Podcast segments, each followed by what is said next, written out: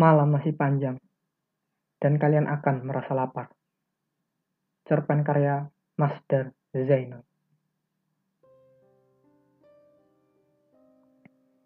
Seorang ibu, empat anak, satu laki-laki berumur 13 tahun, tiga perempuan berumur 8 tahun, 5 tahun, dan 2 tahun, serta sebuah rumah yang buruk. Malam masih panjang, dan kalian akan merasa lapar. Sang ibu selalu berkata begitu. Bagi lima orang itu, malam adalah kutukan. Sebab malam selalu berlangsung lama, dan kejadian-kejadian buruk senantiasa datang di malam hari. Kisah tentang ayah mereka adalah kisah lama. Kisah tentang malam dan kematian. Malam yang begitu panjang dan penuh kekhawatiran Suatu malam, ayah mereka pergi untuk mencari makan, dan ayah mereka pulang sudah dalam keadaan tidak bernyawa. Babak belur dihajar masa. Kabarnya, ayah mereka mengantongi sejumlah makanan dari sebuah toko dan kabur tanpa membayar. Pemilik toko geram dan berseru, "Maling, maling!" Dan ayah mereka mati sebagai mati. Kadang-kadang ibu mereka berpikir, ayah mereka mirip seekor induk burung yang mencuri biji-bijian di peternakan. Lalu pemilik peternakan geram dan menembaknya. Biji-biji itu tak akan pernah sampai ke anak-anak burung. Lalu anak-anak burung akan mati karena kelaparan. Kisah selesai. Namun, kisah manusia tak akan pernah sama dengan kisah binatang kisah manusia tak akan pernah sederhana, selalu rumit, dan kadang biadab. Kisah itu terjadi di malam hari. Dan ketika malam tiba, sejatinya anak-anak itu enggan mendengar ibunya berkata, malam masih panjang dan kalian akan merasa lapar. Sebab mereka takut, ibu mereka pamit mencari makan lalu kembali dalam keadaan mati seperti ayah mereka. Mereka ingat, petang hari sebelum ayah mereka mati, ayah mereka berkata, malam masih panjang, dan kalian akan merasa lapar. Malam masih panjang, dan kami akan merasa lapar. Ibu selalu bilang begitu. Benar. Kami memang selalu merasa lapar apalagi kalau malam. Ketika siang, kami bisa pergi ke mana saja dan mencari makanan untuk kami sendiri. Namun, ketika malam jatuh, keadaan jauh berbeda. Kadang kami menyimpan sejumlah makanan yang kami dapat di siang hari untuk kami makan di malam hari. Namun sering kali makanan itu tidak cukup. Sebab ketika adikku masih begitu kecil, belum pandai mencari makanan sendiri, dan mereka makannya banyak sekali. Aku dan ibu kerap mengalah, menahan lapar demi mereka. Namun ibu yang lebih banyak kelaparan daripada kami. Ketika kami sedang lahap makan, ibu selalu berkata bahwa ia sudah makan. Tapi ketika kami berangkat tidur, kami melihat ibu mengutip sisa-sisa makanan yang telah kami makan. Rumah kami buruk, baju kami buruk, dan kami tak punya banyak keahlian. Pada siang hari, ibu kami berkeliling dari satu tempat ke tempat lain untuk memunguti benda-benda yang sudah dibuang oleh pemiliknya. Ibu menjual benda-benda pungutan itu, dan ibu mendapatkan uang. Uang itulah yang dipakai ibu untuk membeli makanan yang kami makan. Jadi, ke mana pun ibu pergi, kami kerap menyebutnya ibu sedang mencari makan. Dulu ayah kami seorang tukang panggul di pasar, tapi mendadak ayah kami sakit pinggang sehingga ia jarang panggul-panggul lagi. Namun sering kali ayah pulang membawa makanan, entah dari mana ia mendapatkannya. Pada akhirnya, aku menduga selama ini ayah mendapatkan makanan untuk kami dengan cara mengutil di toko-toko. Semua orang tahu, mengutil adalah perbuatan buruk dan tak disukai siapa pun. Tuhan juga melarang mengutil. Namun, karena alasan tertentu, mungkin seseorang memang harus mengutil. Adik-adikku tak banyak paham mengapa dan dengan cara apa ayah kami mati. Mereka hanya tahu makanan dan bermain serta menangis kalau kelaparan. Malam masih panjang, dan kalian akan merasa lapar, kataku pada anak-anakku. Dan mereka tahu, itu artinya aku akan pergi untuk beberapa lama dan pulang membawa makanan. Membesarkan empat anak manusia tak semudah membesarkan empat ekor ayam. Anak-anak terlalu polos. Siang dan malam yang mereka tahu hanyalah makan. Ketika malam jatuh, sebenarnya aku tak ingin pergi ke mana-mana. Aku hanya ingin berdiam dalam rumah sambil memeluk anak-anakku. Namun aku tahu, malam selalu berlangsung panjang, dan anak-anakku akan selalu merasa lapar. Ada detik di mana aku harus mendapatkan makanan untuk perut kecil itu, agar mereka lekas tidur dan tidak menanggung kutukan di malam hari. Kutukan rasa lapar dan rasa khawatir. Sebab itu, saben malam sebelum berangkat aku berkata kepada mereka, malam masih panjang, dan kalian akan merasa lapar. Lalu aku berangkat mengikuti langkah kaki pergi. Banyak yang sudah kulakukan di sepanjang hidupku untuk mendapatkan secuil makanan. Keringat, air mata, dan darah telah banyak melebur dalam butiran nasi. Serpih lauk pauk, serta potongan-potongan kue yang karam ke lambung anak-anakku.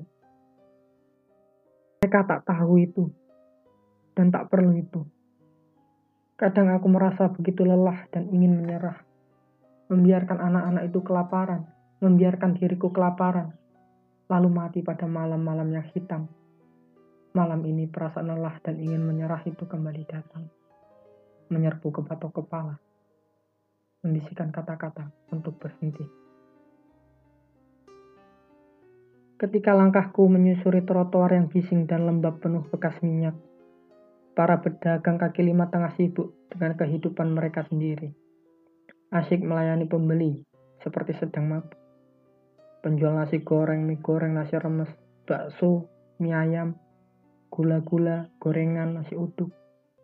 Di seberang yang lain, toko-toko dengan lampu benderang menyuguhkan roti-roti beraroma kopi, aneka masakan padang, serta puluhan jenis makanan yang namanya begitu sulit dieja. Lihatlah, kataku dalam hati. Di pinggir trotoar dan jalan ini, Makanan begitu banyak, tapi ada saja manusia-manusia yang kelaparan sepertiku, seperti anak-anakku. Ketika aroma bawang mengapung dalam genangan minyak panas, menyapu cuping hidungku, perutku terasa makin panas. Aku yakin rasa panas ini persis seperti yang dirasakan anak-anakku. Perut-perut kecil itu. Tak sabar menunggu warung-warung itu sepi. Makanan-makanan sisa dari para pembeli biasanya akan dikumpulkan jadi satu dalam tas plastik. Beberapa orang mengambilnya untuk pakan bebek dan ayam. Namun, aku mengambilnya untuk makan anak-anakku. Dan aku boleh mengambil itu ketika warung sepi. Sebab pemilik warung melarangku datang ketika warung sedang ramai. Jadi, yang kulakukan sepanjang malam adalah berkeliling, mengintai warung demi warung berharap menemukan warung yang sepi pembeli. Warung yang pembelinya sudi berbaik hati menyisihkan sisa-sisa makanan dari pelanggan. Sayangnya tak banyak warung seperti itu. Dan penadah makanan sisa seperti itu tak cuma aku seorang. Pada malam-malam tertentu, seperti Sabtu malam ini, warung baru akan sepi ketika pukul satu dini hari. Aku dan anak-anakku sudah tahu pada malam-malam tertentu, kami baru bisa makan setelah dini hari. Aku kerap merasa sedih untuk itu.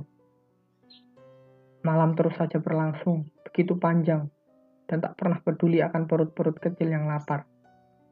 Namun begitulah, aku akan selalu menunggu dan menunggu. Setelah suamiku dihajar masa gara-gara mengutil, aku sudah tak mau mengutil lagi. Aku takut mati. Kalau aku mati, anak-anakku juga akan mati. Malam itu aku terus menunggu dan menunggu di atas sebuah bangku di tepi jalan hingga aku tertidur. Ketika bangun, udara telah menjadi dingin dan warung-warung telah begitu sepi. Aku berlari dari warung ke warung, nihil.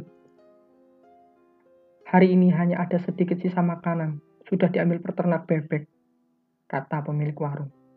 Kamu terlambat, kata pemilik warung lainnya. Tidak ada sisa makanan sama sekali, kata yang lainnya juga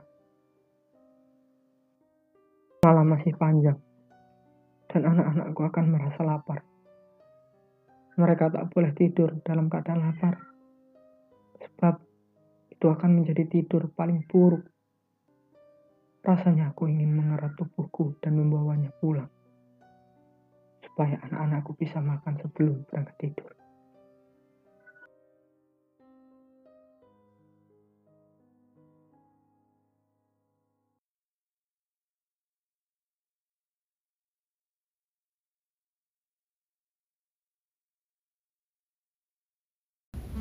Bulan Pucat Cerpen karya Masdar Zainal. Bulan putih pucat di pagi hari Selalu mengingatkanku pada masa kecil yang murung.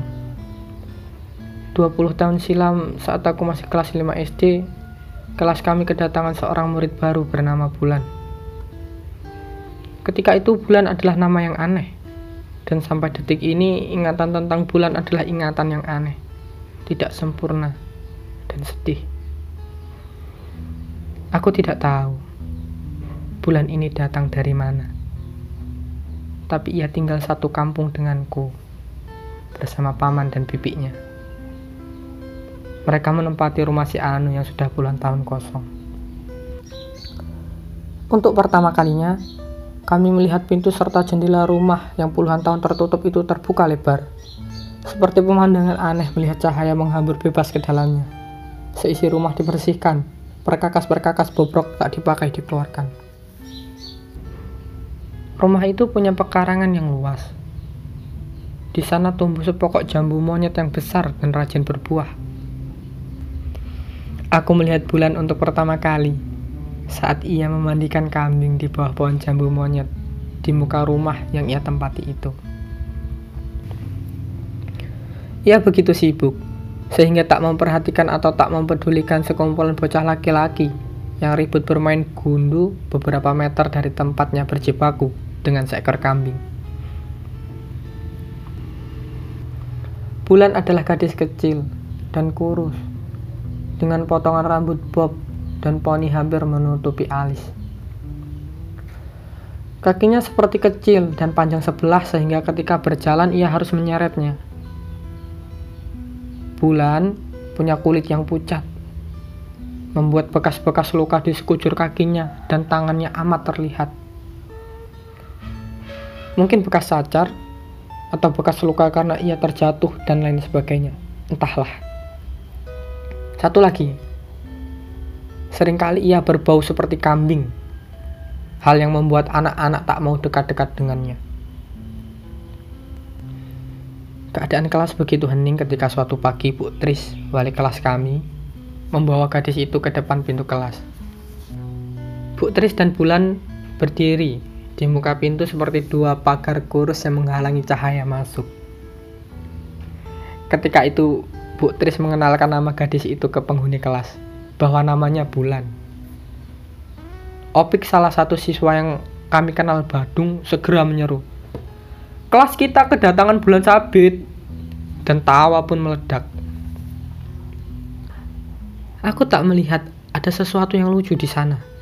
Tapi entah mengapa hampir semua anak tertawa. Bu Tris memberi isyarat pada Opik dan semua anak untuk diam. Pada jam istirahat, Opik menjelaskan bahwa bulan seharusnya bulat dan gemuk kalau kurus itu pasti bulan sabit. Opik merasa benar dengan hal itu. Semenjak itu anak-anak memanggil bulan dengan sebutan bulan sabit. Bulan bukanlah gadis yang banyak omong, dan ia kelihatan tak peduli dipanggil bulan sabit. Ia seperti tak punya urusan dengan semua orang. Bulan begitu pendiam. Wajahnya memamerkan kemurungan. Di rumah, ia tak pernah tampak bermain atau berbicara dengan siapa pun. Yang ia lakukan hanya bersih-bersih memandikan kambing atau berdiri di balik pohon jambu monyet dan mengintip anak-anak yang sedang bermain.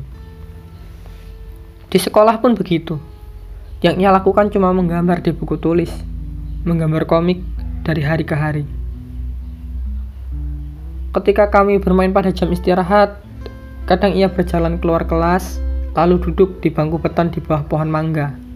Hanya duduk, mengawasi semua anak yang sedang bermain seolah-olah itu tugasnya. Dan di dalam kelas, ketika guru-guru belum datang, Anak-anak suka sekali membuat masalah dengannya, terutama anak laki-laki. Pernah suatu ketika, Opik mengendap-endap di belakang bulan yang sedang menggambar. Lalu, tiba-tiba Opik merebut buku tulis bulan dan memamerkan gambar-gambar bulan ke anak-anak satu kelas. Bulan tidak berteriak. Ia hanya menunjukkan muka kesal sambil terus mengejar Opik dengan terpincang-pincang. Meminta bukunya kembali. Di lain waktu, sehabis jam istirahat, pernah ketika Bulan hendak duduk di kursinya, Syahdan menarik kursi itu sehingga Bulan terjengkal, membuat semua anak-anak terbahak. Kata Syahdan, sebaiknya kamu mandi dulu, supaya tidak bau kambing. Kasihan nasib kursi itu kau duduki terus-terusan sampai ikut bau kambing. Bulan tidak mengatakan apa-apa, tidak pula menangis. Ia hanya berdiri kesakitan lalu kembali duduk seolah tidak terjadi apa-apa. Mungkin Bulan sudah sangat terbiasa dengan ejekan soal kambing. Ia tak pernah ambil pusing kalaupun anak-anak mengambil jarak dengannya sambil menutup hidung. Di waktu yang lain, Sari pernah menjambak rambut Bulan sebab Opik menunjukkan sebuah gambar aneh di buku Bulan kepada Sari. Di buku itu ada dua gambar anak laki-laki dan perempuan sedang berciuman dengan keterangan Yudi Cinta Sari. Yudi adalah anak laki-laki paling pendiam di kelas. Giginya agak tonggos. Ia juga sering dirundung oleh anak laki-laki lain. Tetapi kadang Yudi masih melawan. Melihat gambar yang ada sangkut pautnya dengan dirinya itu, Sari mendatangi Bulan dan menjambak rambutnya. Bulan sabit bengkok, apa maksudnya ini? Hardik Sari sebelum akhirnya menyobek halaman buku Bulan. Bulan cuma menggeleng untuk mengelak bahwa itu bukan perbuatannya. Namun Sari sudah kadung menjambak dan menyobek halaman buku Bulan. Sementara itu, bangku belakang Opik dan Sahdan serta beberapa bocah lain tertawa-tawa sambil berbisik dan menutup mulut. Aku yakin itu perbuatan mereka, sebab gambar bulan tak pernah seburuk itu. Itu jelas gambar Opik. Dan tulisan di situ adalah tulisan Sahdan. Aku hafal bentuk huruf yang mencong-mencong itu. Aku ingin sekali membela bulan atau melaporkan kejadian-kejadian buruk itu pada guru. Tapi aku tak pernah melakukannya. Aku tahu siapa diriku. Seorang pengecut. Sekali saja aku membela bulan, jelas akan muncul gambar baru dan desas-desus baru bahwa aku menyukai bulan, aku cinta bulan. Aku tidak mau itu terjadi. Belakangan saat aku menyinggung soal bulan, ibu menceritakan bahwa bulan adalah anak yang malang. Ia tak seberuntung siapa pun. Konon, ibunya pergi ke luar negeri dan ayahnya ada di perantauan yang jauh. Maka ia ikut bibi dan pamannya yang seorang belantik kambing. Beberapa hari sekali kami kerap melihat bibi dan paman bulan berjalan menuju pasar kecamatan dengan menyeret kambing-kambing kadang menaikkannya ke keranjang di atas motor. Atau kalau kambingnya ada beberapa ekor, mereka akan menaikkannya ke mobil pickup. Pada sore hari atau saat libur, Bulan harus berkeliling ke ladang orang untuk meramban tumbuh-tumbuhan liar buat pakan kambing. Meski aku tak pernah melihat Bulan membersihkan kotoran kambing, aku yakin dia juga melakukan itu. Sebab tak jarang tubuhnya berbau seperti kotoran kambing. Pekat sekali. Terutama saat di rumah pada sore hari. Aku tak pernah benar-benar membayangkan bagaimana nasib bulan ini akan berakhir kalau kejadian mengerikan itu terus terjadi.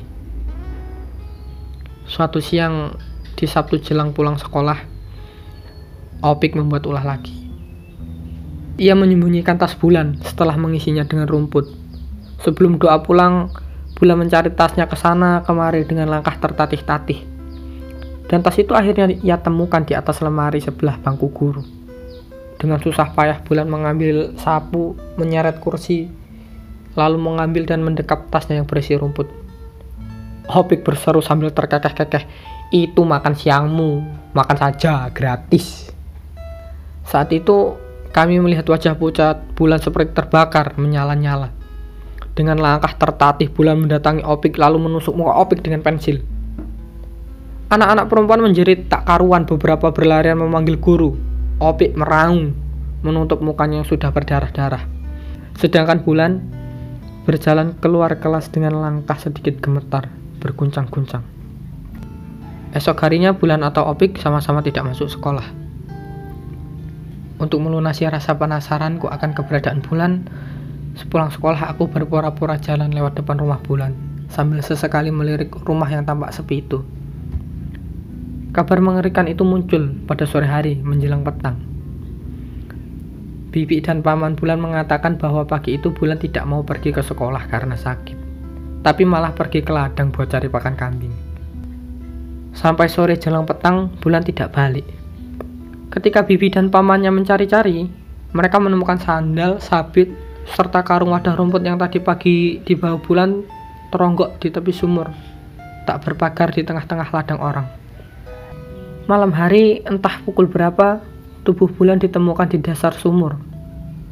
Konon tubuhnya terjepit bebatuan. Esok paginya adalah pagi yang gaduh di kampung kami.